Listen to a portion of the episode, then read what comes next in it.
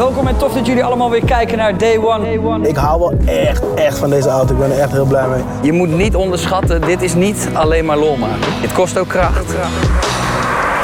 Ik heb hem nog nooit zo hard op zijn staart getrapt, zo op mijn banden.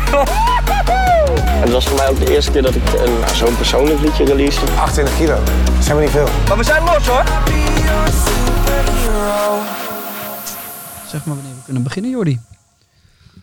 Oh, wacht even. Dit is echt heel zuur. Ik kan niet tegen zuur. Ik dacht dat het zoete snoepjes waren. Er staat zacht, zoet, zuur op, Jordi. Ik trek weg. Ga jij maar beginnen. Ja? Ja hoor, ik kom wel We, bij. kunnen ook eh, even wachten, hè? Drink wat water of zo. Geen Red Bull. Ja, dat, Red Bull. Red Bull. dat, dat maakt het nog erger. Je lippen worden ook blauw. Kijk eens oh, hier. Ja, ik kan zo slecht tegen zuur. Dat vind ik Ja? zo vies. Echt? Wat Ik had het ook dit. kunnen weten trouwens. Wat triest Ik dit. had gewoon op die verpakking moeten vo- voordat ik mijn vuistje erin stopte. Ja, Ja. Komt toch Je Jordi naar boven. je nam er niet eentje ook. hey, ehm, wat een gezelligheid. Ehm, Zeker. zal ik jullie eens een klein verhaaltje vertellen? Dat ik, eh, nou ja, klein verhaaltje. Ik ga er gewoon mee beginnen. Ehm, ik krijg dus dagelijks in mijn DM eh, van eh, jongens, maar ook meisjes. ehm, hey, zou jij mijn kledingmerk willen checken? Kijk eens wat ik heb gemaakt. Mag ik je wat opsturen? Wat vind je ervan? Zou je het willen dragen? Kan je dan een foto posten? En ik dacht bij mezelf, maar dit is echt heel veel. En meestal wat ik dan doe is als ze dat vragen, vind ik heel leuk hè. Want Mhm. ik denk, ja, weet je, dat is toch... eh, iemand probeert iets te ondernemen. Ja, we hebben toch hetzelfde een fan gehad die dat is gestart, die we ook nog in de podcast behandeld hebben. Precies. En Ja. dan ga ik dat kijken wat ze hebben gemaakt. Ja. En dan denk ik bij mezelf, en dan ga ik nu heel eerlijk zijn, dit kan toch niet? Dit, je kan toch niet een zwarte trui pakken en dan met witte letters gewoon een, jij noemt het een merk, ik noem het een woord, erop zetten en dan denken dat dat het is. Ja. En dan zeggen, hey, jij als influencer, wil je dit dragen? Ik denk, waar is de creativiteit? Want als ze iets eh, vets maken, dan eh, ga ik het 100% dragen. Als het iets anders is dan wat ik normaal zie, voel of denk. Maar dit is wat ik 99% van de tijd tegenkom. En dat vind ik heel zonde. En waarom ik dus hierover begin, is omdat wij vandaag ehm, iemand te gast hebben in onze podcast. Die heeft, nou ja, een van Nederlands, misschien wel Nederlands bekendste eh, kledingmerk. Het meest eh, eh, voor mij dope merk eh, qua kleding in Nederland. Ehm, ik draag het zelf ook redelijk vaak. Ehm, en ik dacht, ja, we, moeten deze antwoorden toch een keertje ergens vandaan halen. Wie beter dan, dan een van de mannen van Daily Paper uit te nodigen. En er is goed over te praten. Van hoe gaan we dit doen en hoe hebben jullie het gedaan? Dus welkom, gezellig. Dankjewel. Jordi, heb jij nog een, eh, een intro of denk je, ik sla me over? Nou ja, ik weet, nee, kijk, ik weet van Daily Paper, en dat is hoe ik er dan van de buitenkant naartoe kijk. Volgens mij ooit gestart als, nou, wat de naam eigenlijk soort van zegt, blog, toch? Klopt. En toen uiteindelijk is het eigenlijk een soort van uitgegroeid naar t-shirts uitbrengen. En dat begon steeds succesvoller te worden. En jullie zijn eigenlijk met nul ervaring in de mode. En in, de, in die branche zijn jullie gestart en maar wat gaan doen eigenlijk, toch? Klopt. Ik denk dat het belangrijkste was, we hadden een visie en een idee. En dat waren wij uitbouwen. Ja, dat vind ik dus zo keihard. Ik, ik, ik zeg dit altijd, dit, en ik ben blij dat het eh, redelijk klopt. Want dus dan heb ik al jaren wat verkeerd verteld aan mensen. Maar ik zeg altijd tegen mensen die dan over Daily Paper beginnen of dan een shirt daarvan aan hebben. En ik vind het gewoon vet dat dat zo ontstaan is ooit. Omdat, nou ja, we hebben het daar ook eerder met In Goldie Trust over gehad. Is Ja. dat de modewereld natuurlijk echt wel een heel gek wereldje kan zijn. En ook wel een wereldje waar iedereen niet je alles gunt. Sowieso. Maar En- dat is ondernemen over het algemeen. Hè, Ja, oké, dat is waar. Het is, eh, Ja, hoe lekkerder je gaat, hoe, eh, hoe moeilijker het wordt. Oké, laat wacht heel even. Laten we even beginnen bij het begin. Abder, jij bent hier. Wij hebben elkaar ontmoet op een goed feestje. Daar waren eh, meerdere mensen die ook eh, in de kleding zaten. Erik was met mij mee van In Gold You Trust. Die heeft mij aan jou voorgesteld. Ja, klopt. Ehm, wat ik toen merkte is dat eigenlijk alle mensen die eh, kledingmerken hebben... of jonge gasten die wat hebben opgezet... ook al met elkaar goed overweg kunnen op de een of andere manier. Eh, ook wel respect naar elkaar tonen. Ehm, maar dat het ook wel een haaienbusiness is. En dat het iets is waar, eh, waar, waar, ehm, waar heel moeilijk tussen te komen is. Ja, je moet jezelf bewijzen. Ja. Want toen wij begonnen hadden we maar vijf t-shirts gemaakt. Wie is wij? Daily Paper. Ja, met hoeveel zijn jullie? We zijn met z'n drieën. Dus eh, Jefferson, Hussein en ik. Ja. En toen wij begonnen hadden we vijf t-shirts geproduceerd. En toen dachten mensen van, ah schattig, een, eh, een t-shirtmerk. En gaandeweg gingen we steeds eh, uitbreiden qua categorieën. Opeens kwamen we met jassen, opeens kwamen we met overhemden, eh, sweaters.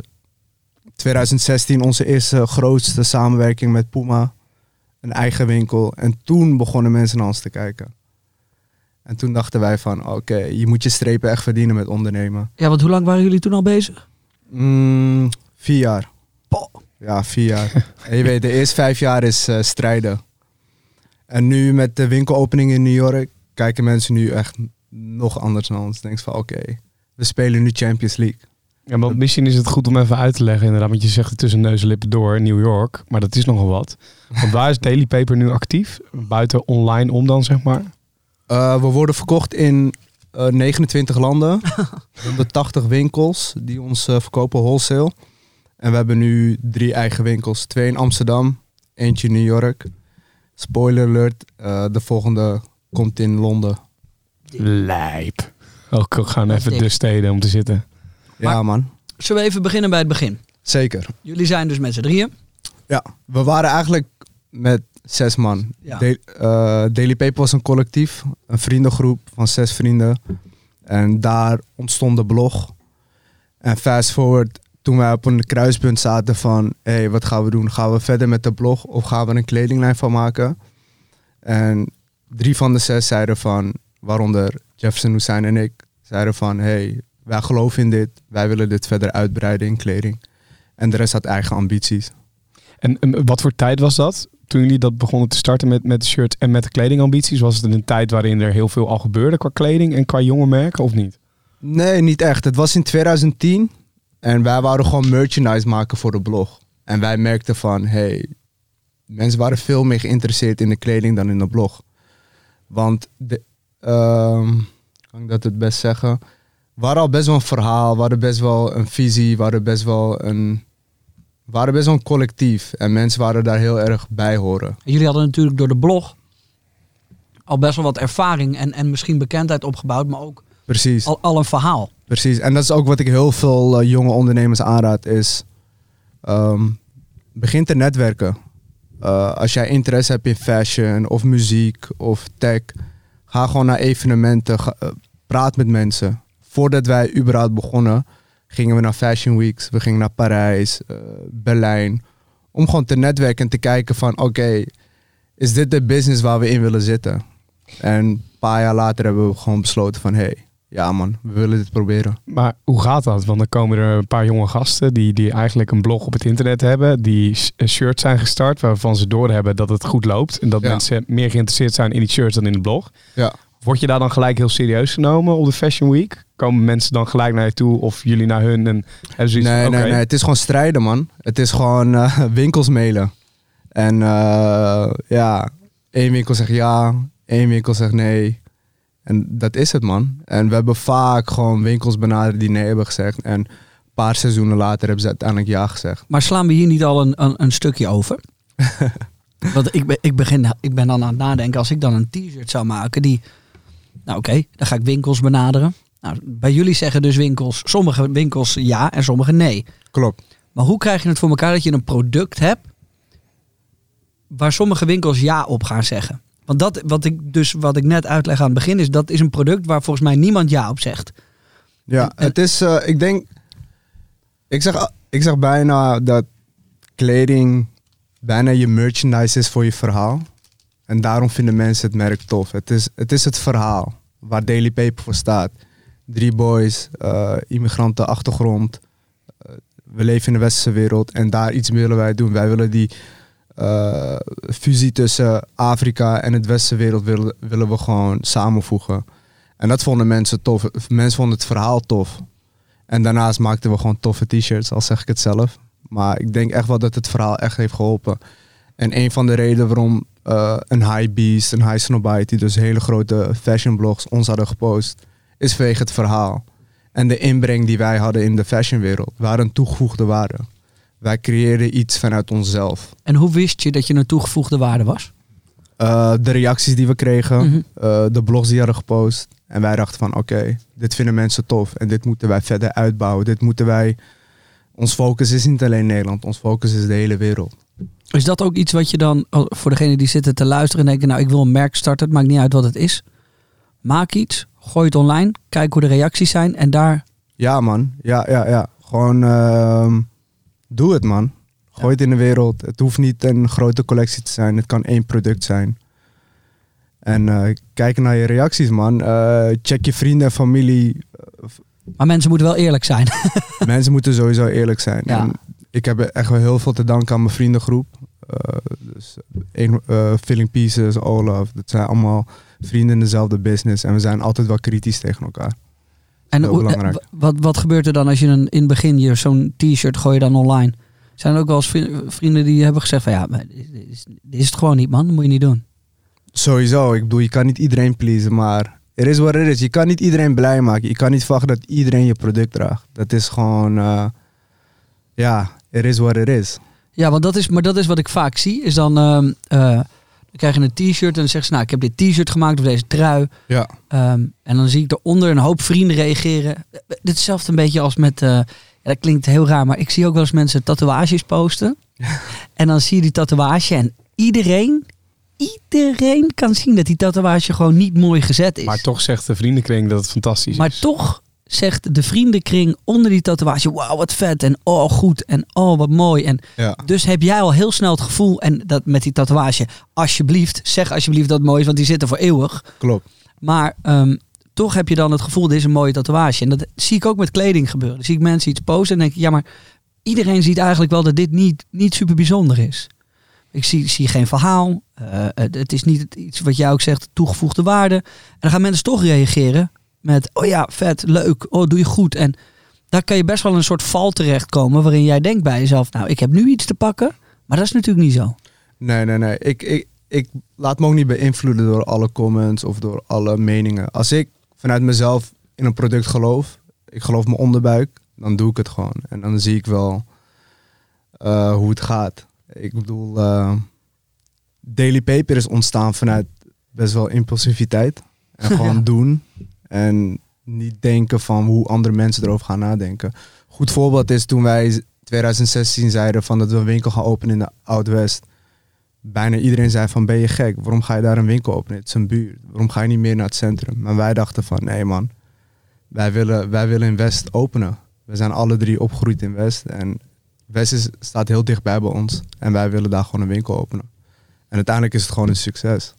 Maar stel je voor dat, dat we het niet hadden gedaan omdat mensen nee hadden gezegd. Dan zal dat altijd wel in je achterhoofd blijven van... Stel je voor ik had een winkel geopend in West. Hoe zou dat gaan? Dus, En het is ook op je bek gaan, toch? Het is ook de leercurve. het is ook op je Als bek gaan, het inderdaad. hebt over die jongeren die een shirt starten door een wit logo erop te zetten waar eigenlijk niet over nagedacht is en iedereen om hen heen vindt het fantastisch, komen ze ook vanzelf wel achter dat het eigenlijk helemaal kut is. Ja, nee, Ja, zeker. dat is ook wel goed, denk ik, misschien. Maar ik vind soms de makkelijkheid waarmee dingen worden gedaan, vind ik jammer. Want als ik dan zie dat hier, daarom zitten we ook hier, een, een mooi verhaal verteld wordt. Dat de kleding goed is, dat er echt gestreden wordt. Dat er, Ja. het zijn drie jongens uit de Ja, buurt die het makkelijk hebben gehad. Er zit echt een goed verhaal achter. En het klopt uiteindelijk aan alle kanten. En daarom denk ik ook dat het werkt. En daarom vind ik het zo jammer af en toe dat mensen denken... hey, ik start gewoon wat, omdat ik niet precies weet wat ik wil. En dan ga ik dat maar doen en dan maak ik er iets van. En ik vind dat ten eerste zonde van hun tijd. Maar ook ten tweede niet heel eh, respectvol tegenover degene die er... Ja, die er, die er met z'n allen Ja. jarenlang aan aan het bouwen zijn. Maar, maar I don't blame them though. Want hun zien dingen vanuit social media. En als je bijvoorbeeld naar mijn Instagram kijkt, dan zie je van... hey, deze jongen is alleen maar in het buitenland. Hij is alleen maar leuke dingen aan het doen. eh, zijn Insta-stories lid. Maar ze weten niet dat ik gewoon eh, maandag tot vrijdag... gewoon elke dag op kantoor ben. Ja, En dat ik calls heb, fittings, eh, bezig met designs. Maar dat zien ze niet. Ze zien dingen vanuit de, vanuit de buitenkant en gaan ervan uit van, oh oké, als hij dat kan, kan ik dat ook. Maar ja omdat ze die lifestyle willen. En niet ze willen omdat... die lifestyle. En ze willen er niet voor werken. Nee, en jij hebt die lifestyle gecreëerd om... één, je wil ervoor werken. Maar twee, het is begonnen uit een passie. En daar, die, die, die, die passie heeft jouw lifestyle gefaciliteerd. Klopt. En je moet geduld hebben met ondernemen. Eerste Ja, zes jaar waren eerste zes jaar waren gewoon scare. Ja. Eerste vier jaar woonde ik gewoon bij mijn moeder. Eh, ik deed een webshop vanuit mijn moeders zolderkamer. Zulke dingen. Maar ja, weet je, mensen willen altijd snelle succes. Maar dat gaat gewoon niet. Je moet gewoon geduld hebben en geloof in je product en geloof in je verhaal. En uiteindelijk gaan mensen het oppikken. En dan vanaf 2016 ging het zo snel. En soms denk ik terug, denk van wow. Waar merk je dat aan dan? Vanaf de, als je, vanaf, je je hebt daarvoor dus heel hard gewerkt. Waar merk je aan dan ineens in 2016, holy shit. Ja, je ziet gewoon online gaat het beter. Je ziet dat je e-commerce, eh, je haalt je targets meer. Steeds meer winkels zijn geïnteresseerd. Je ziet je engagement wordt groter op social media.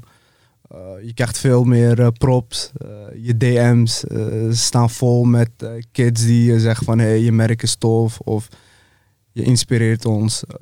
Persaanvragen, celebrities die, die onze kleren willen, die het dragen. Day One Podcast. Day One Podcast. Snap je? Precies. Ja, maar het is wel, dat is, zijn wel dingen die...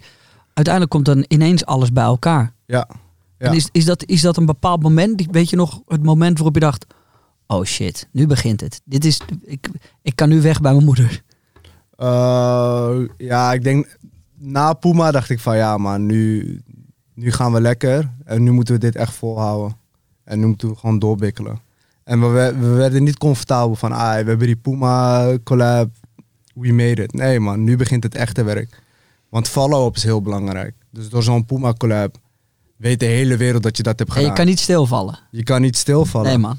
En dat is hetzelfde met onze retail. Ik bedoel, eh, binnenkort gaan we opereren in drie verschillende markten. Hoe ga je dat oppakken? Hoe ga je dat doen met reizen? Hoe ga je dat doen met activaties?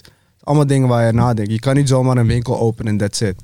Nee, wij hebben ons merk echt opgebouwd door activaties, eh, met verschillende merken werken eh, of artiesten. Het is echt het merk opbouwen. En het is niet van ik maak, ik design een product, gooi het online en ik check, oh, ik check maar hoeveel er wordt verkocht. Nee, je moet, je moet die hele community en lifestyle moet je bouwen.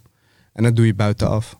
Zijn er ook momenten geweest dat je dacht, Fuck deze shit. ja, stop ermee. Want, want kijk, het begint natuurlijk superleuk. Ik ben met een paar vrienden een blog begonnen. Ja, en daaruit ja. is een kledinglijn ontstaan. Maar op een gegeven moment moet je in één keer leiding geven aan mensen. Moet je in één keer, heb je werknemers onder je. Moet je onderhandelen met bedrijven. Moet je in Ja. één keer alles doen. Ja, vroeger dachten dachten we wel eens van, hé man, waar, waar doen we dit voor? Ik bedoel, eh, één dag heb je geld op je rekening en de volgende dag eh, Is het echt? is- heeft de Belastingdienst alles van je eh, weggepakt, weet je. Dat is lijp hè. Dat is lijp, maar het is... eh, Hebben die gehad? Die, die, die, hebben jullie ook die fouten gemaakt? Oh ja man, genoeg, Ja? genoeg. Ja, ja, ja, sowieso. Ook in de tijd dat we een VOF waren en zo, dan merk je gewoon dat je privé ook wordt aangepakt. En ja. ja, dat hebben we allemaal geleerd. Maar het is allemaal blessings, man. Het is allemaal, het is allemaal onderdeel van eh, de journey. En eh, niks is makkelijk. Ondernemen is niet makkelijk. Het leven is niet makkelijk. Maar wat ik je zei, zolang je gelooft in wat je doet, ga je gewoon door. Koste wat het kost. En ook al ben je scare privé, zolang je maar je personeel kan betalen in je operatie, vind ik het niet erg om eh, wat minder te eten. Of eh, Om een keer een weekje op wa- water en brood te leven. precies. Ja man, het die is, heb eh, ik, het is die ook. dedication, man. Ja. Het is, wat ik je zei, als je erin gelooft, kosten wat het kost, moet je het doen. En ik kom van, wij komen van niks, dus ik, ik ben het al gewend, weet je. Dus, Dat is die mindset hè. Hoe moeilijk, Die is het, hoe moeilijk is het om dezelfde visie te houden? Dus je bent met drie gasten. Ja, hoe ziet, het ja, hoe En- ziet dat eruit met ja. z'n drieën? Wat is de verdeling? ehm, zo, ik focus voornamelijk op design, Hussein op marketing en eh, Jeff op sales. Maar alle drie maken we sowieso de grootste beslissingen. En wat als nou jouw designvisie heel anders ligt ineens dan dat Hoesijn dat, dat, dat had of heeft? Dan moet je communiceren. Dan moet je, dan moet je met elkaar praten, Ja. moet je met elkaar eh, Want, het gevaar is natuurlijk wel dat op een gegeven moment, als je met z'n drieën zo'n bedrijf runt en het, het wordt succesvol, je hebt Zeker. samenwerking met Puma, dat, eh, dat je misschien soms een beetje de weg kan verliezen. Omdat dat, ja, weet je, het voelt voor iedereen lekker het succes. Ja, ja, zeker. Maar daarom, daarom is het ook goed om erover te spreken, weet je. Bijvoorbeeld, stel je voor, ik heb een idee of hij heeft een idee en het klopt niet. Dan heb je daar gewoon een conversatie over van, hey, nee man, dit past niet echt bij de visie van Daily Paper. Of we moeten hiermee oppassen. Of nee, we moeten echt niet werken met deze merk of artiest. Dan hebben we daar gewoon een gesprek over. Uiteindelijk werken we allemaal onder dez- eh, dezelfde dak. Uiteindelijk hebben we allemaal alle drie dezelfde missie. En het is teamsport. Ik bedoel, ik kan wel zeggen van nee, ik wil heel graag met deze artiest werken omdat ik hem persoonlijk heel tof vind. Maar als het niet bij het merk past, waarom zou, waarom zou ik het forceren? En wat is nu de missie dan? Want je hebt een, we hebben allemaal dezelfde missie. Het merk gewoon uitbouwen en gewoon laten zien van dat je als, eh, ik zeg altijd, de third culture kid, iemand die vanuit Afrika en de westenwereld opgroeit en hoe die, daar, hoe die daarmee omgaat, eh, dat, dat proberen wij te representen. En toch heb ik, dan kijk ik als buitenstaander ernaar en denk oh, winkel in New York, Londen, 29 landen. Ja, Geluk toch? kan beter. Het, eh, we, hebben zoveel, eh, we hebben zoveel doelen, we hebben zoveel dingen die we nog willen bereiken. Zit er ook een dak aan de, aan- daaraan, aan de, aan de doelen die je hebt? Nee, voorlopig niet. Nee, nog lang niet.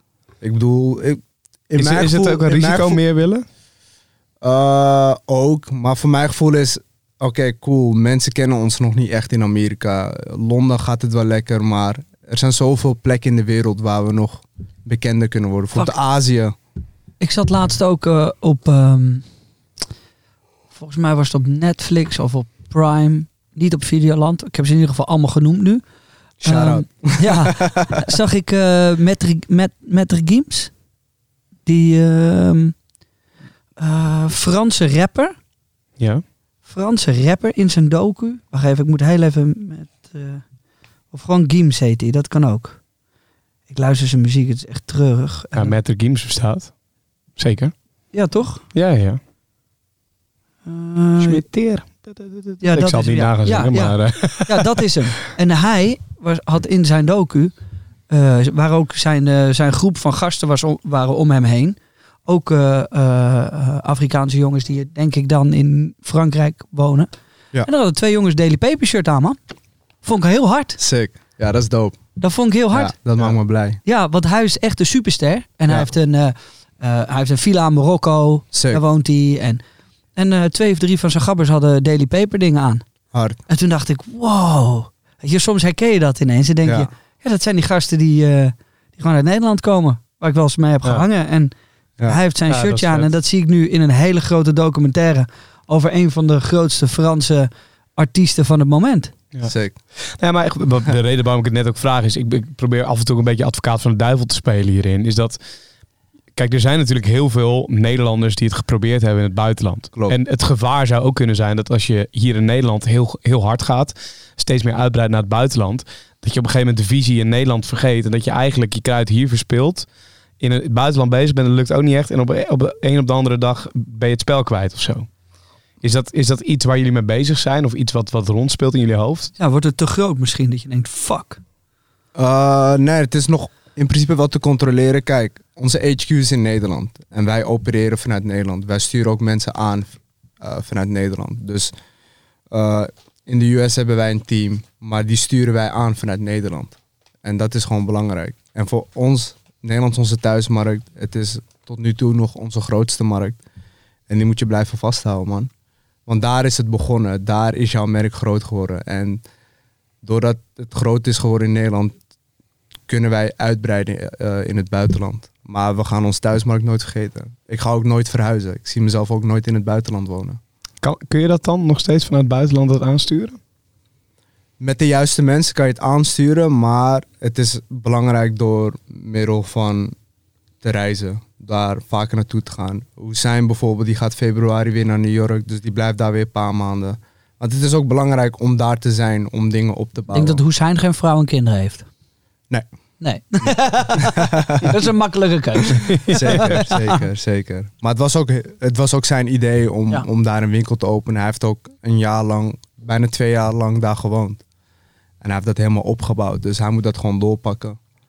En dan roleren wij het wel, weet je. Dus dat lijkt me wel, eh, wel, wel vet aan de ene kant, ook wel uitdaging. Want je komt natuurlijk in een hele andere markt terecht in, in, in New York, waar mensen Klopt. op een hele andere manier de zaken doen. Ja. Wat, wat zijn van die voorbeelden waar, waar, waar jullie tegenaan liepen dat je dacht van, oh shit, dat werkt daar zo? Ja, want als het in Nederland werkt, werkt het niet meteen overal, hè? Nee, nee, nee. Het is, eh, ja, je hebt te maken met grotere spelers. Eh, New York is niet goedkoop. De winkel is ook niet goedkoop. Het zijn gewoon grotere bedragen. Grote stakes are higher, weet je. Maar ze zeggen als je het in New York maakt, dan kan je het overal maken. Dus, En hoe werd er dan gereageerd? Want ik, ik zag, eh, ik moet eerlijk toegeven, ik zag de foto's voorbij komen van de winkel. ja. En ik dacht, holy fuck. Jullie, hebben niet, jullie hebben niet een speeltuin gebouwd daar. Jullie zijn daar niet heen gegaan om even te lopen klootviolen. Nee, nee, om even nee, met je pik te spelen en niks te doen. Jullie zijn daarheen gegaan om gewoon serieuze business te doen. Ja, man. Want het zag er echt heel erg dik uit. Thanks. Ja, het heeft ook twee jaar geduurd voor die winkel. Dus eh, verbouwing, eh, onderhandelingen. Voor alles en nog wat. Maar je ziet het resultaat. Het was echt, eh dat gebouw was echt, het stond op neerstorten. Dus we hebben echt veel geïnvesteerd in dat gebouw. Maar ja, je ziet het resultaat. En eh, grote shout-out naar uh, Herre Valding. Eh, een dame die eh, onze winkel heeft ontworpen. En shout-out Arizona, die heeft de façade gesponsord. Dus al, de buitenkant van de winkel is Ja. allemaal Arizona blikjes. Ja, ja, ja. Dat is ook geen kleine sponsor, hè, dit. Arizona. Ja, ja, ja, nou, ik maar- vind het ja, heel vet. Ja, Ja, we hebben andere frisdrankmerken benaderd, maar ze hebben allemaal nee gezegd. En Arizona heeft toen, eh, toen de tijd ja gezegd. slim van ze zeg. Ja. En hoe, ehm, dan word je dus, dan, dan ga je daarheen. Wil je, eens meene- wil je me eens meenemen in dat je dan zo'n zo'n winkel daar gaat starten? Want dat is niet niks. Dat is misschien, zou je kunnen zeggen dat dat jullie grootste project buiten Nederland tot nu toe is? Zeker, Ja, hè? zeker. Ja, zowel eh, tijd als financieel was dit echt wel ja, want hoe, project. start zoiets dan? Iemand, eh, dus jullie gaan zitten met z'n allen. Het is maandagochtend. Nou, cappuccinootje staat klaar voor je. Jullie gaan met z'n allen om de grote ronde tafel zitten. Bij Daily Paper. Kom met z'n allen na het weekend eh, binnen. Even praatje. Hey, hoe was jouw weekend? Hoe was jouw weekend? Ja, was gezellig. By the way, ik zat eh, zondag op de wc met de Telegraaf voor me. Toen dacht ik bij mezelf, misschien moeten wij een winkel in New York starten. hoe moet ik dit zien? Hoe gaat dit? Dus eh, een van Hussein's dromen is om in New York te wonen. Dus dat heeft hij toen gedaan. En in al die tijden heeft hij gewoon de buurt verkend. Dus hij heeft heel veel lopen linken met eh, lokale mensen. En gewoon afgevraagd van, hey, als wij een winkel gaan- openen in New York, waar? En heel veel mensen hadden hem gezegd van, Lower East Side, daar moet je kijken. Het is, eh, het is een eh, upcoming neighborhood. Het is nog heel rauw. En het is gewoon tof om daar te investeren. Dus hij heeft toen, eh, heeft hij toen een appartement eh, gehuurd in de Lower East Side. En hij heeft al die maanden is hij gewoon de buurt gaan Hij heeft verkennen. echt gegrind. Hij heeft echt gegrind, ja. Ja. Echt uh, shout-out naar hem voor dat, weet je. En hij had toen dat pand gezien. Het was zo'n hoekpand. Het zag er echt niet uit. vol met duiven. En hij zei van, ja, ik denk dat, dat we dit gebouw moeten gaan nemen. Wat zeggen jullie dan?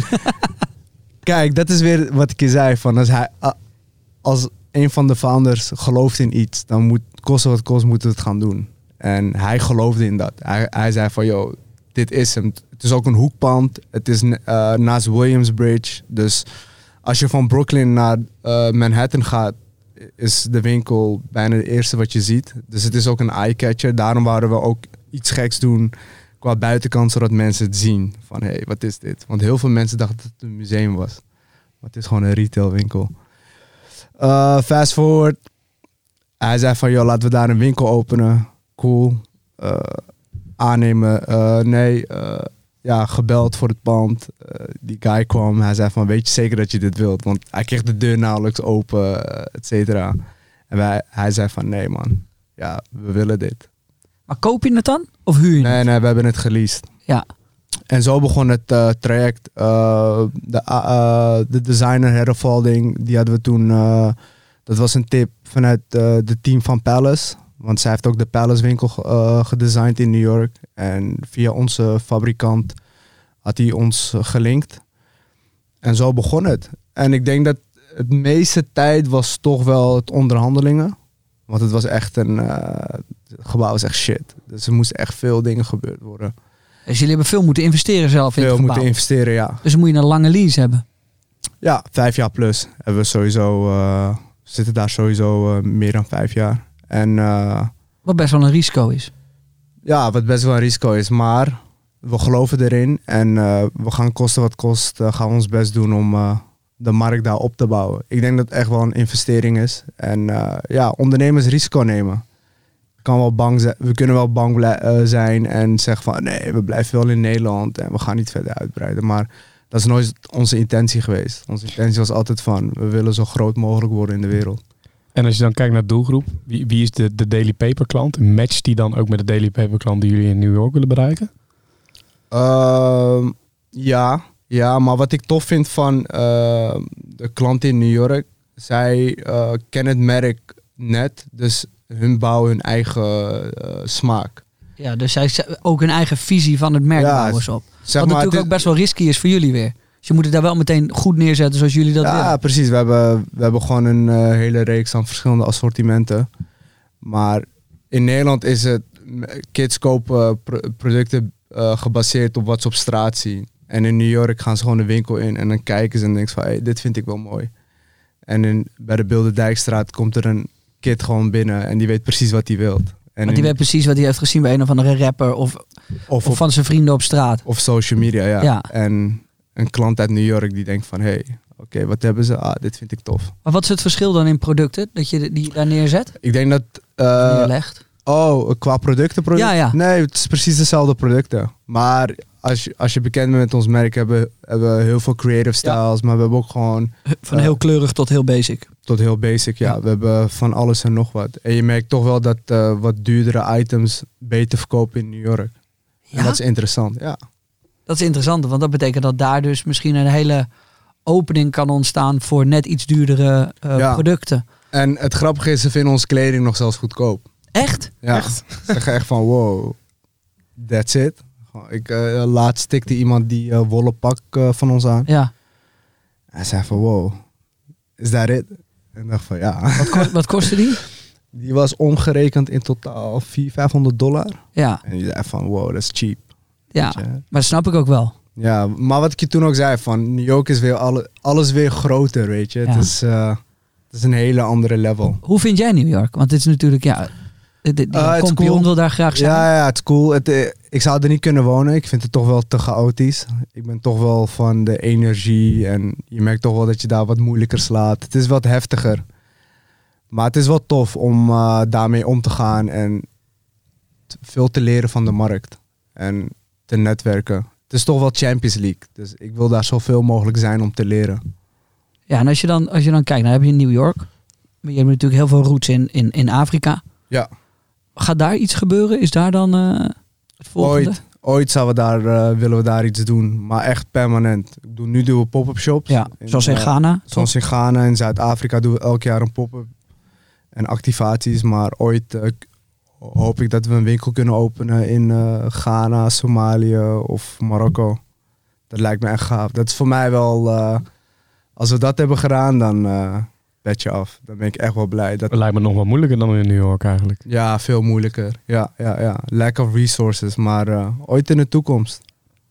Ja, en de toekomst lijkt best wel, eh, lijkt best wel goed te gaan tot nu toe, toch? Voor, voor, voor, We mogen niet klagen, man. Nee. Het, is, eh, het, het gaat Wat- supergoed. wat zou nu de grootste valkuil kunnen, kunnen zijn?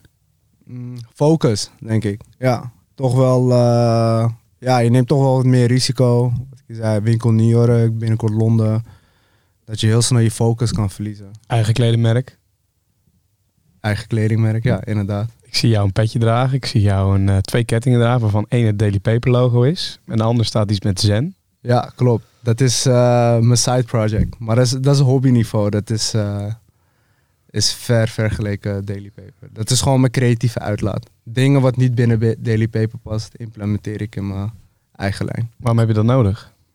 Uh, goed om mee te sparren. Ik denk, wat ik heel erg heb geleerd, toen de tijd toen we een eh, kledingmerk hadden met uh, Blood for Mercy, Ja. moest ik heel erg eh, anders denken in bepaalde esthetieken. Dus ehm, Jim zei dan bijvoorbeeld, laten we een racing collectie maken. Maar ik zat nog helemaal in die Afrikaanse esthetiek en ik kon heel moeilijk eh, switchen van, van visie.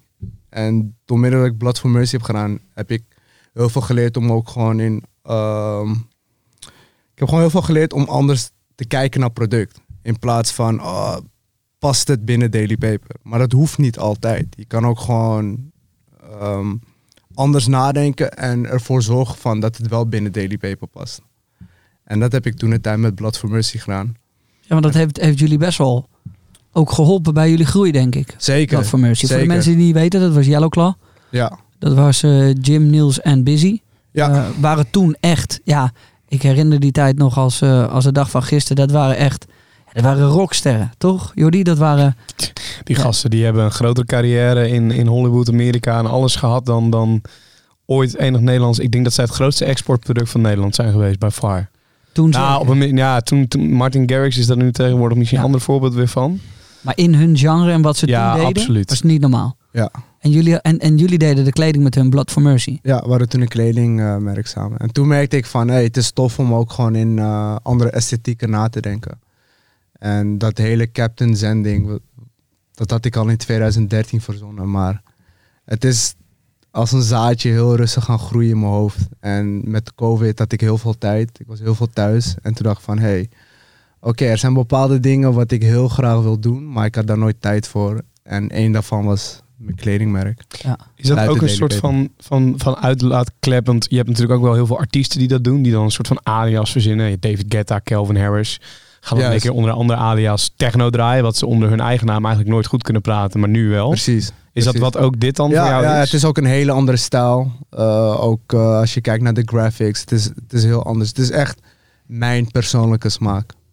En zeggen dan ook de andere twee gasten die Daily Paper voor... Ja, die vinden het keihard, man. Ja? Ik, en die hebben dus niet zoiets van... ah, supporten, man. mm, Nee, nee, nee. Ik heb, ik heb ook gewoon uh, blessing gevraagd van, hey guys, dit, dit, hier ben ik mee bezig, weet je. Het is, wat ik je zei, communicatie is heel belangrijk. En het is gewoon netjes om aan je compagnons te vertellen van dat je dit daarnaast doet. En niet dat ze het ergens online zien en zeggen van, hey. En dat is het gevaar wanneer je dingen niet communiceert. En dan ontstaan er fricties.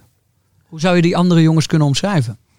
Ja, je compagnons, je vrienden. Uh, pff, uh, ja, dat echt, het zijn niet eens vrienden meer. Het zijn echt gewoon broeders. Gewoon. Ja. Weet je, het is, uh, ja, love them man. Het Dikker is, dan uh, bloed. Het is gewoon een, één dag kan je ze gewoon Neerschieten. neerschieten. de andere dag, ja, love it man, weet je. Um, het zijn strijders. Het zijn gewoon... Wat maakt ze uniek? Wat maakt ze uniek? Uh, ik denk toch wel hoe ze zijn opgegroeid. We hadden alle drie niet dezelfde jeugd. Maar uiteindelijk hebben we toch wel wat kunnen maken van onszelf. En toch wel positief kunnen blijven. En uh, optimistisch. Ook al hadden we heel weinig ries. Wat ik tof vond van ons alle drie is dat we... Hoe weinig we ook hadden, we haalden altijd het maximale eruit. Um, een van onze eerste shoots zag er altijd zo sick uit, maar het was met een uh, budget van 200 euro, 300 euro. En dat, dat is die Afrikaanse mindset. Gewoon van, oké, dit is wat we hebben, dit is wat we willen. We gaan ervoor zorgen dat we met deze kapitaal zo'n shoot gaan uh, produceren. En dat is het. En ik vind het gewoon tof dat we als vriendengroep gewoon een dynamiek hebben. We zijn alle drie verschillende karakters.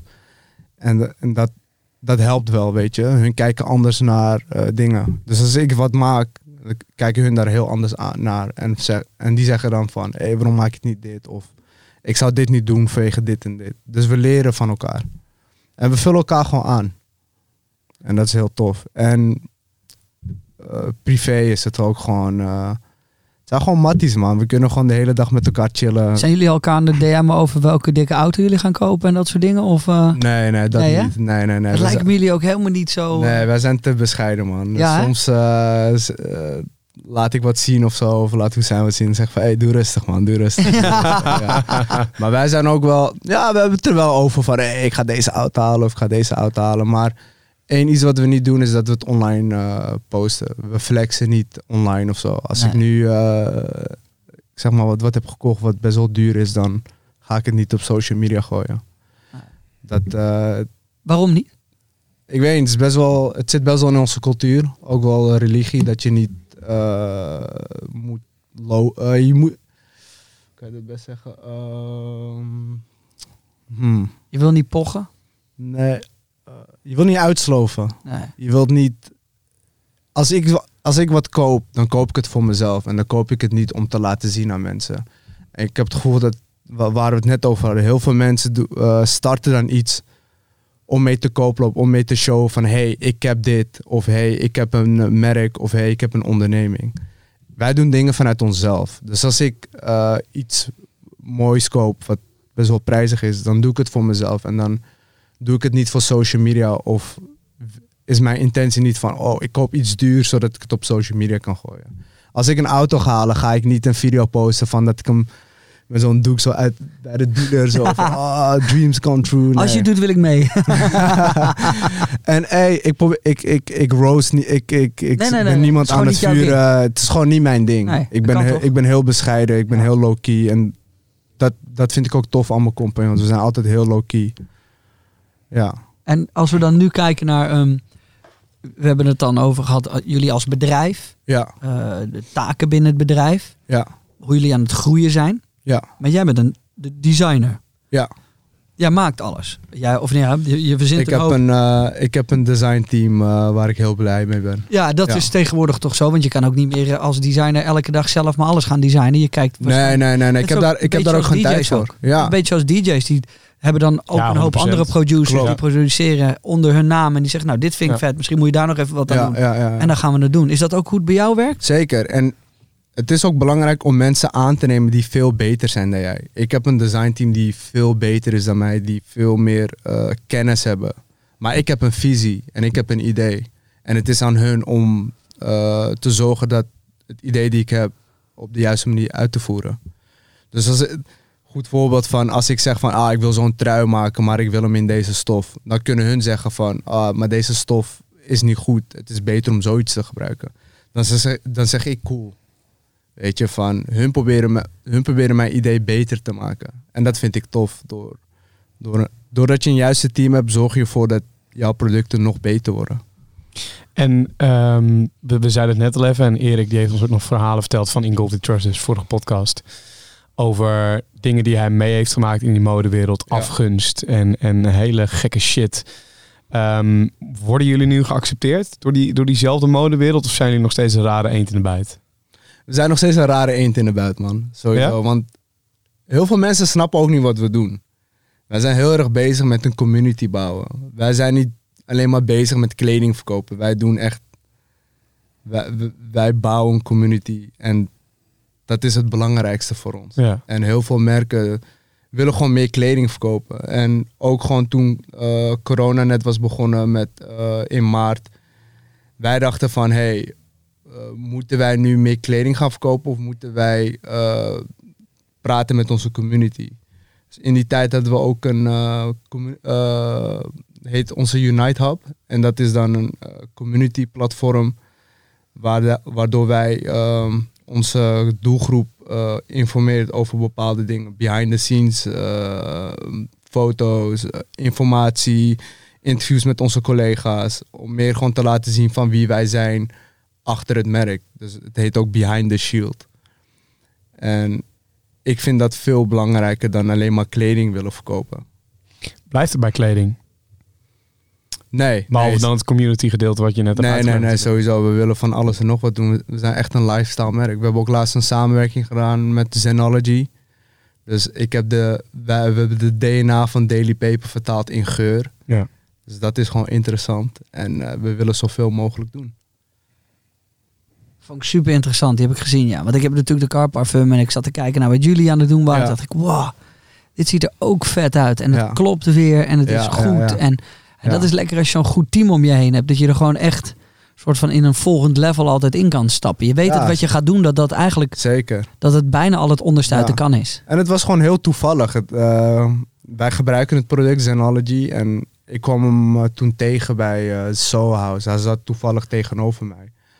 En eh, we gingen praten en hij vroeg van, eh, wat doe jij? Ik zei, ik doe Daily Paper. Hij oh tof, leuk merk, dit en dat. Ik zei, wat doe jij? Hij zei, Zenology.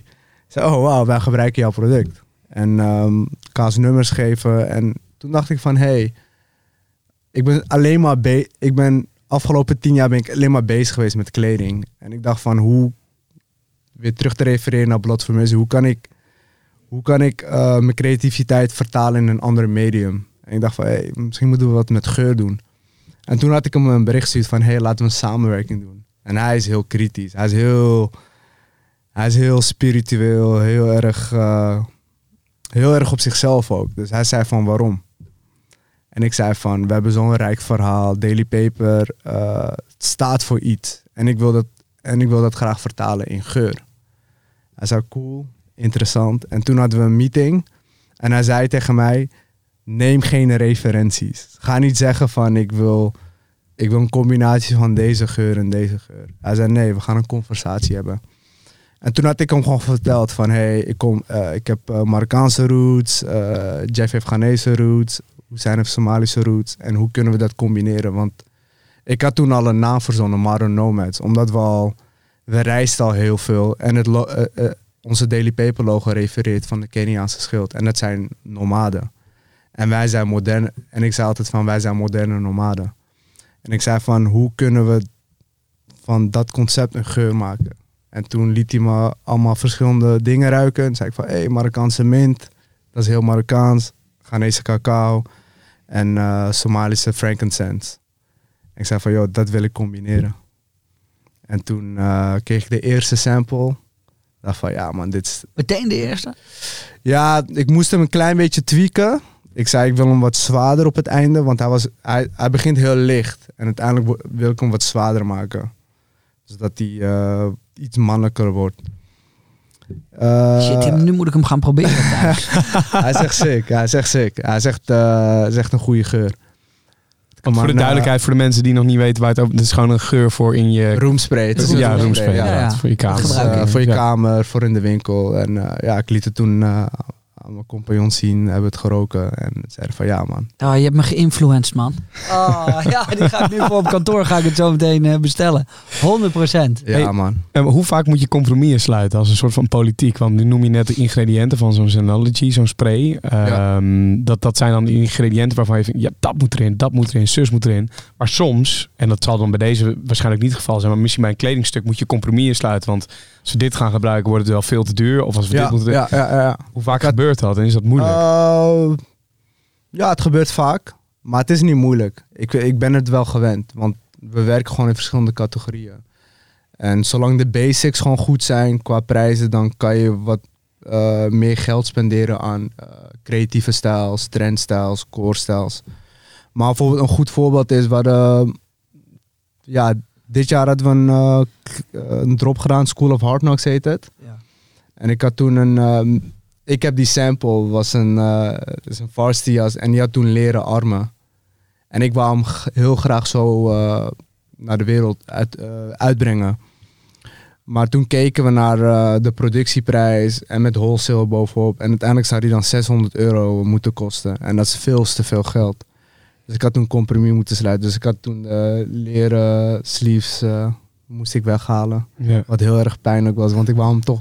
Ik heb de sample, maar uiteindelijk wou ik hem toch wel hoe de sample was. Maar Ja. het is wat het is. Het is, het is gewoon... eh, ja, het is ook gewoon business doen. Wat wil je? Wat wil... Je wil dat je... Ik wil niet dat ik hem drop en dat, dat we er maar drie, vier verkopen omdat het te duur is. Hey, ik zit me net wat te bedenken. Moncler heeft net eh, Stone Island gekocht. Ja. Ik zie je lachen. Crazy. ja, hè? Die Want is gek, het, hè? het, het waren best wel concurrenten van elkaar. Daarom. Ze, ze opereren in hetzelfde Zelfde segment. Segment, ja. En Moncler dacht van, hé, hey, het, is, het is een, eh, een, een wat grotere vis die een wat, wat kleinere vis heeft gegeten. Ja, maar het, het, het loopt elkaar niet heel veel, hoor. Volgens voor mijn gevoel in ieder nee, geval. nee, nee, nee, nee. Ik dacht van ja, de, de, de grote witte haai doet de kleine witte haai. Precies. Zo lijkt het een beetje. ja. Maar de- eh, wat ik hier eigenlijk wil vragen is, als nou Moncler had gezegd, of eh, misschien wel Stone Island, of eh, misschien wel de, de, de, de- volgens mij is het de, de Louis Vuitton groep, ik ben even de volledige naam kwijt, maar wat nou als die zeggen, LVMH. ja, Ehm, wat nou als die zeggen wij willen Daily Paper kopen? Nu? Ja? Mm, Nee, nee, nee, nee, nee, nog niet. Nog niet. We zijn nog niet klaar om eh, ons baby eh, over te passen aan iemand anders. Wanneer ben je daar wel klaar voor? Is dat een, is dat een bedrag of is dat een, een, een, een stukje visie waar je moet zijn? Een stukje visie. Ja, omdat, omdat je toch wel bezig bent met het visie uitbouwen. Je bent hem toch wel, wat ik je zei, je bent, je bent toch wel bezig om de wereld te laten zien wat Daily Paper is en de visie. Daarom zijn we ook heel veel bezig met eigen retail om echt gewoon die visie goed te laten zien op bepaalde markten. Dus het, voor ons is het veel te vroeg om eh, ons baby over te dragen naar ik iemand vind het anders. wel interessant dat er niet wordt gezegd, nee, we bedragen de baby überhaupt niet over. Dus er is wel een moment die er gaat komen dat het wellicht wel verkocht gaat worden. Ooit waarschijnlijk wel, waarschijnlijk niet. We Ja, zien wel. Maar we- de opties staan altijd open. Wij denken altijd in scenario's, weet je. En Ja. wij denken altijd van, oké, hoe lang wil je eh, iets blijven doen? Ik zie heel veel ondernemers die na zoveel jaar denken van, oké, cool, tijd voor iets anders. Het is niet erg. Nee. Maar ja, Ik denk wij denken gewoon in verschillende scenario's. Ik denk ook dat alle deuren mogelijk. altijd open moeten staan. Precies. Je moet altijd dat- openstaan dat- voor de dat- conversatie. Precies, dat is ondernemer zijn. Kijk, Ja. als ik word benaderd door een merk die zegt van... hé, hey, laten we een samenwerking doen. Maar ik heb er geen interesse in. Ga ik nog steeds een call met hem doen. Gewoon uit respect. En, Ja. gewoon, laten, en gewoon horen van wat hij wil. Ja. Er gebeurt eigenlijk helemaal niet zoveel meer tegenwoordig voor mijn gevoel dat het op de volgende generatie wordt overgedragen. toch? Nou ja, wat je nu ziet bijvoorbeeld, en daar pakte ik Montclair en Stone Island erbij. Dat zijn familiebedrijven. Ja, precies. En ehm, volgens mij wou eh, Stone Island het ook alleen verkopen aan een familiebedrijf. Omdat het dan op die manier in ieder geval nog een beetje in die visie blijft.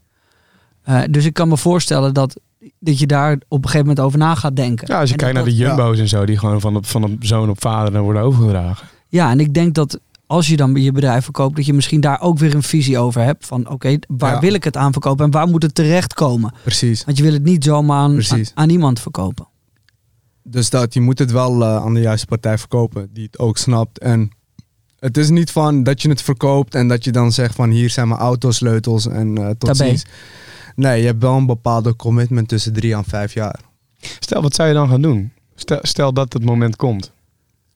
Ga je dan stilzitten? Ik kan me nee, niet nee, nee, ik kan nooit stilzitten. Nee. Ik, ik heb genoeg ideeën. Ik bedoel, eh, ik heb in de coronatijd eh, dit opgebouwd, dat hele zen eh, vibe waar ik mee bezig ben. Nee, ik zal nooit stilzitten. Ik zal altijd blijven ondernemen. Ik zal altijd wel kijken what's up, weet je. En toch wel de nieuwe generatie gunnen. Als ik een jongere versie van mij zie, Dan ga je daarin investeren. ga ik daarin investeren. Ga ik hem Ja. wel coachen. Ga, als ik potentie zie, denk van ja man, I will be your sensei. Wat ga je als eerste leren? Als ik eh, te veel tijd heb, Nou, wat, wat ga je zo'n persoon als eerste leren? eh, een visie. Wat is je idee? Wat, wat wil jij doen met jouw merk? Waar staat jouw merk voor? Dat is voor mij de basis. Product is easy. Maar als jij een bepaalde visie hebt, een bepaalde concept, dan kan je heel makkelijk vanuit daar bouwen. En, en wat zou dan de grootste fout zijn waar je, voor, waar je hem voor wil behoeden of haar voor wil behoeden? Eh, eh, ge- geen rush, man. Niet, eh, Ja, niet te overhaasten, man. Chill the fuck out, ja. Ja. Ik bedoel, ehm, kijk naar ons, vijf t-shirts. En je moet gewoon organisch groeien. Het is belangrijk om een community te bouwen dan meer producten te creëren. En het is altijd, heel veel mensen hebben altijd het idee van, je moet heel groot beginnen. Maar dat, dat hoeft tegenwoordig niet meer. Nee, Het is belangrijk om een community te bouwen. zoals day one. Precies. Ja, hey, ehm, Wat Day One? Wat is dat? hou op. Elke ochtend stuurt hij me weer een berichtje. Mag ik alsjeblieft bij day one wat doen? Zoek het uit, hè. Dan krijg uit betaald hier. Hey, ehm, voor iedereen die aan het luisteren is en denkt, nou, ik, ga, ik wil toch ook nog steeds dat kledingmerk starten. Jij bent de designer, waar moet een goed design aan voldoen voordat ze denken, eh, zodat ze denken, nou, dit, hier zou ik wel mee de markt op kunnen. Of hier, dit kan ik in ieder geval aan vrienden en familie verkopen. Het moet kloppen met waar, waar je voor staat. Ja. En dat is het gewoon. Ga je dan zitten en dan ga je thuis aan de, aan de tafel bij je ouders na het eh, potje boerenkool. Ga je dan zitten en dan ga je dan je boekje erbij halen en ga je schrijven waar jij voor staat en waar je denkt dat jouw merk voor staat? Ja. En hou je dat blind aan? Het, ik, het is je onderrug van je merk. Wanneer, jij, eh, wanneer jij niet meer weet wat je moet doen, wanneer je een beetje verdwaald bent, dan moet je altijd denken van hé, hey, waar staat het merk voor? Wat is de essentie van het merk? En dat is altijd je onderrug. En dat hebben wij met Daily Paper. Daily Paper staat voor Afrika, staat voor onze roots. En dat houden wij altijd vast. En als we dat niet meer doen, dan vind ik Daily Paper een zieloos merk. En ik denk ook wel dat heel veel mensen het niet meer gaan dragen. Eens. Als je nu kijkt naar welke merken je zelf tof vindt, waar moeten we op gaan letten? Wat is leuk? Zijn er Nederlandse merken? Zijn er... Uh, ik vind Cactus Plant Flea Market heel tof. Human Made. Uh, Capital vind ik heel tof. Uh, ja, dat. Is er in Nederland iets? In Nederland, uh, ja, sowieso Filling Pieces, Ola. Ik vind het super tof wat ze doen. Ik denk elke Nederlands merk, man. Pata, uh, TNO, Smip. Het zijn allemaal merken die echt... Iedereen doet zijn eigen ding. Iedereen heeft zijn eigen visie. Iedereen, uh, weet je, they stay in their own lane, weet je. Ze, ze focussen gewoon op hunzelf. Ja. En ze kijken niet naar anderen. Ze zijn niet, we zijn niet elkaar aan het kopiëren. Iedereen is gewoon bezig met zijn eigen ding. En dat vind ik gewoon hard. Ik heb ook wel eens het gevoel dat het soms te hip aan het worden is allemaal.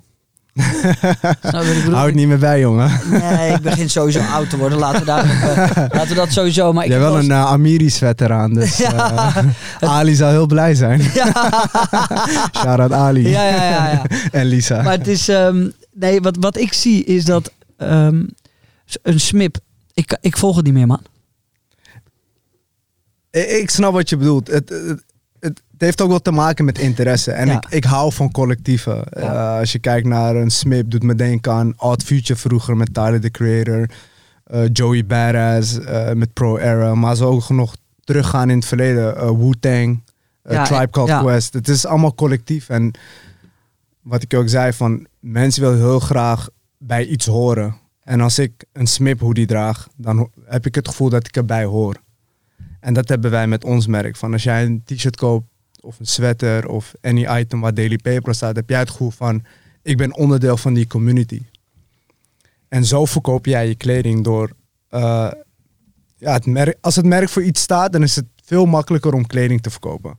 Maar als het niks, als, als het Geen een zieloos merk ja. is, dan ja, waarom draag je het? Ja, Hetzelfde met een eh, schilderij. Je kijkt ernaar, je denkt mooi en dan lees je waar het schilderij En wat voor staat. gevoel het je geeft. En wat voor gevoel, dan kijk je er heel anders naar. Ja, eens. Als jij kijkt naar een Van Gogh eh, schilderij en er staat van... dit is de laatste schilderij die hij heeft eh, geschilderd... voordat hij zijn oor afknipte of zelfmoord had gepleegd. Dan kijk je er heel anders naar. Dan Ja. kijk je van, joh, hoe voelde hij zich op dat moment? Ja, misschien, en dat is misschien ook mijn mak hoor. Dat ik me in, in zo'n smip iets meer moet verdiepen. Ja, Gewoon eens rond moet gaan kijken. Ja. En daar de tijd voor nemen voordat je... ja, eh, maar het- het is gewoon... Ja. Het, wordt stom- soms wel eens moeilijk om dingen te begrijpen. Omdat je... zeker. Soms wil ik kleding ook niet begrijpen. Soms wil ik het gewoon vet hoeft- vinden. Je hoeft ook niet alles te begrijpen. Ja, en inderdaad, wat je ook zei... als je het vet vindt, vind je het vet, weet je? Als ik, eh, ik zie heel vaak dingen dat ik gewoon tof vind... maar eh, het heeft geen concept, het heeft geen eh, diepgang, niks. Maar het is gewoon een toffe trui. Het is ook gewoon een leeftijd, toffe hè? Trui, ja. Het is ook gewoon de leeftijd, Jay. Op een gegeven moment komt ook alles een beetje langzaam binnen. De dementie begint al in te kicken. hey, Ja. ehm, heb je nog tips voor, eh, voor, voor, voor iedereen die dus mijn zo'n DM stuurt? Die, eh, die zegt, ja, ik, ga nu, ik wil mijn eigen kledingmerk starten. Dan is sowieso JJ Boske wel een, gare gozer om te, te DM'en. Maar Ik denk dat je dit er even uit moet knippen. Nee, wat ik je zei, het, als, al- eh, het moet voor iets staan, man. Ja. Het, eh, wat is jouw toegevoegde waarde in deze fashionwereld? Elke dag komen er nieuwe merken, maar wat is jouw inbreng in deze wereld, in deze fashionwereld? En that's it, man. En als je die hebt, dan eh, go for it, man. En begin. You will learn along the way. Precies. Wij hebben ook gewoon. Ik zeg, ik, ik, ik zeg, ik zeg het zo vaak en ik, kan- ik kan niet stoppen met zeggen. DP is mijn beste leerschool. Ik heb zoveel geleerd met DP. Het is crazy. En ik heb geen boek opengeslagen of whatever. Ik heb gewoon. We zijn Gedaan. gewoon gegaan, geleerd van onze fouten. En ja, elke checkpoint gewoon van hé, hey, we hebben het overleefd. Maar net, en we zijn er weer. En sommige zijn checkpoints gaan wat ja. makkelijker dan andere. Precies, precies. En gewoon van cool, leuk. We hebben een winkel gezet in New York. Maar what's next? Hoe gaan we dit uitbouwen? Ja, dik. Nooit comfortabel zijn. Altijd al- blijf hongerig. That's it, man. Ik, ja, that's it. Ja, ik vind het vet. Mag ik je bedanken? Ik vind het eh, heel vet dat je de tijd hebt genomen om helemaal Ja. naar Hilversum te komen door Forstin. Geen probleem. Jij, jij bedankt eh, dat ik mocht komen, man. Ja, natuurlijk. Ik, eh, ik bedoel... ik doe dit- het voor de kinderen. Ja, ja. It's all for the children. Ja. Maar nee, ik vind het, het, het is heel inspirerend om te zien dat je dus letterlijk van, zoals we dat hebben besproken, van niets naar een winkel in New York gaat. En gewoon daar gaat wonen en gaat kijken. De duiven erin zaten. En een, Ja, een levend, en dat vind ik het mooie aan Daily Paper.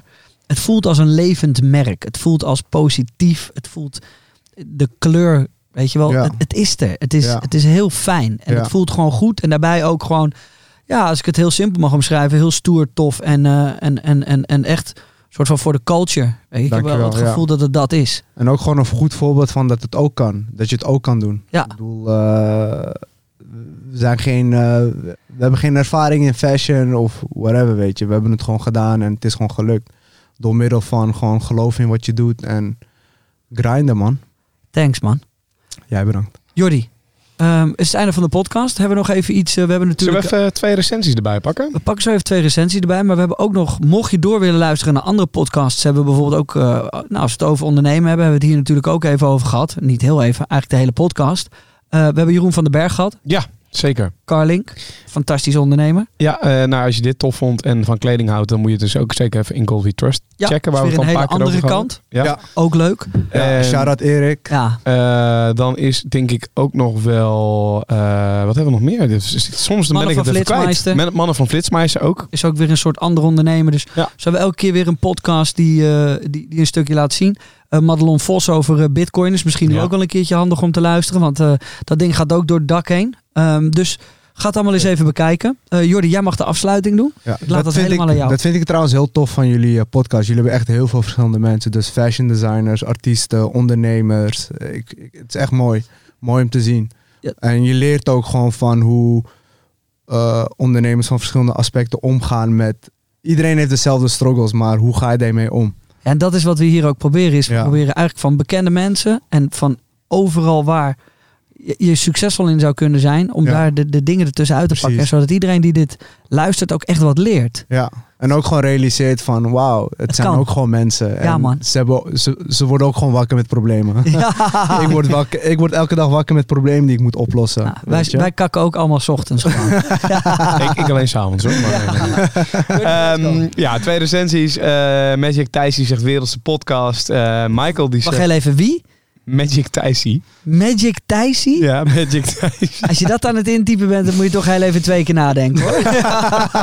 maar wat voor recensie gaf die? Eh, nou, die zegt dus wereldse podcast, vijf sterren. Eh, Michael Han, die zegt eh, super toffe podcast, maakt mijn lange autorit een stuk makkelijker. Ik zou graag in de toekomst het verhaal van Vasco Rauw willen horen. Hij is eigenaar van de Millionaires Club. En we hebben weer heel veel beoordelingen bij. Je kan je beoordeling achterlaten, ook gewoon even een recensie achterlaten. Apple Podcast, anders gewoon even volgen op Spotify. En dan is het natuurlijk gewoon tijd voor het allergrootste moment in de podcast. Het is echt een ding geworden. Mensen DM'en ons met de meest random woorden. Het codewoord. En die mag onze gast weer eh Ja. Abde, jij mag een eh, codewoord verzinnen. En eh, ja, mocht het zo zijn, dan, eh, dan kunnen ze die in onze DM gooien op Instagram. En dan denk jij bij jezelf, de fuck is dit? Wat zeggen ze nu weer? Ja. En dan weet je in ieder geval dat ze tot het einde hebben geluisterd. Dus het, het mag alles zijn wat je wil. Eén codewoord. Eentje. Ja. Turkey bacon. Turkey bacon. Oh, lekker. Ja, ja maar alles met eten, vind jij. Ja, ja ik, deed nog even zo'n kindermaxie ook. Ik ook, ik ram hier nog even wat naar binnen.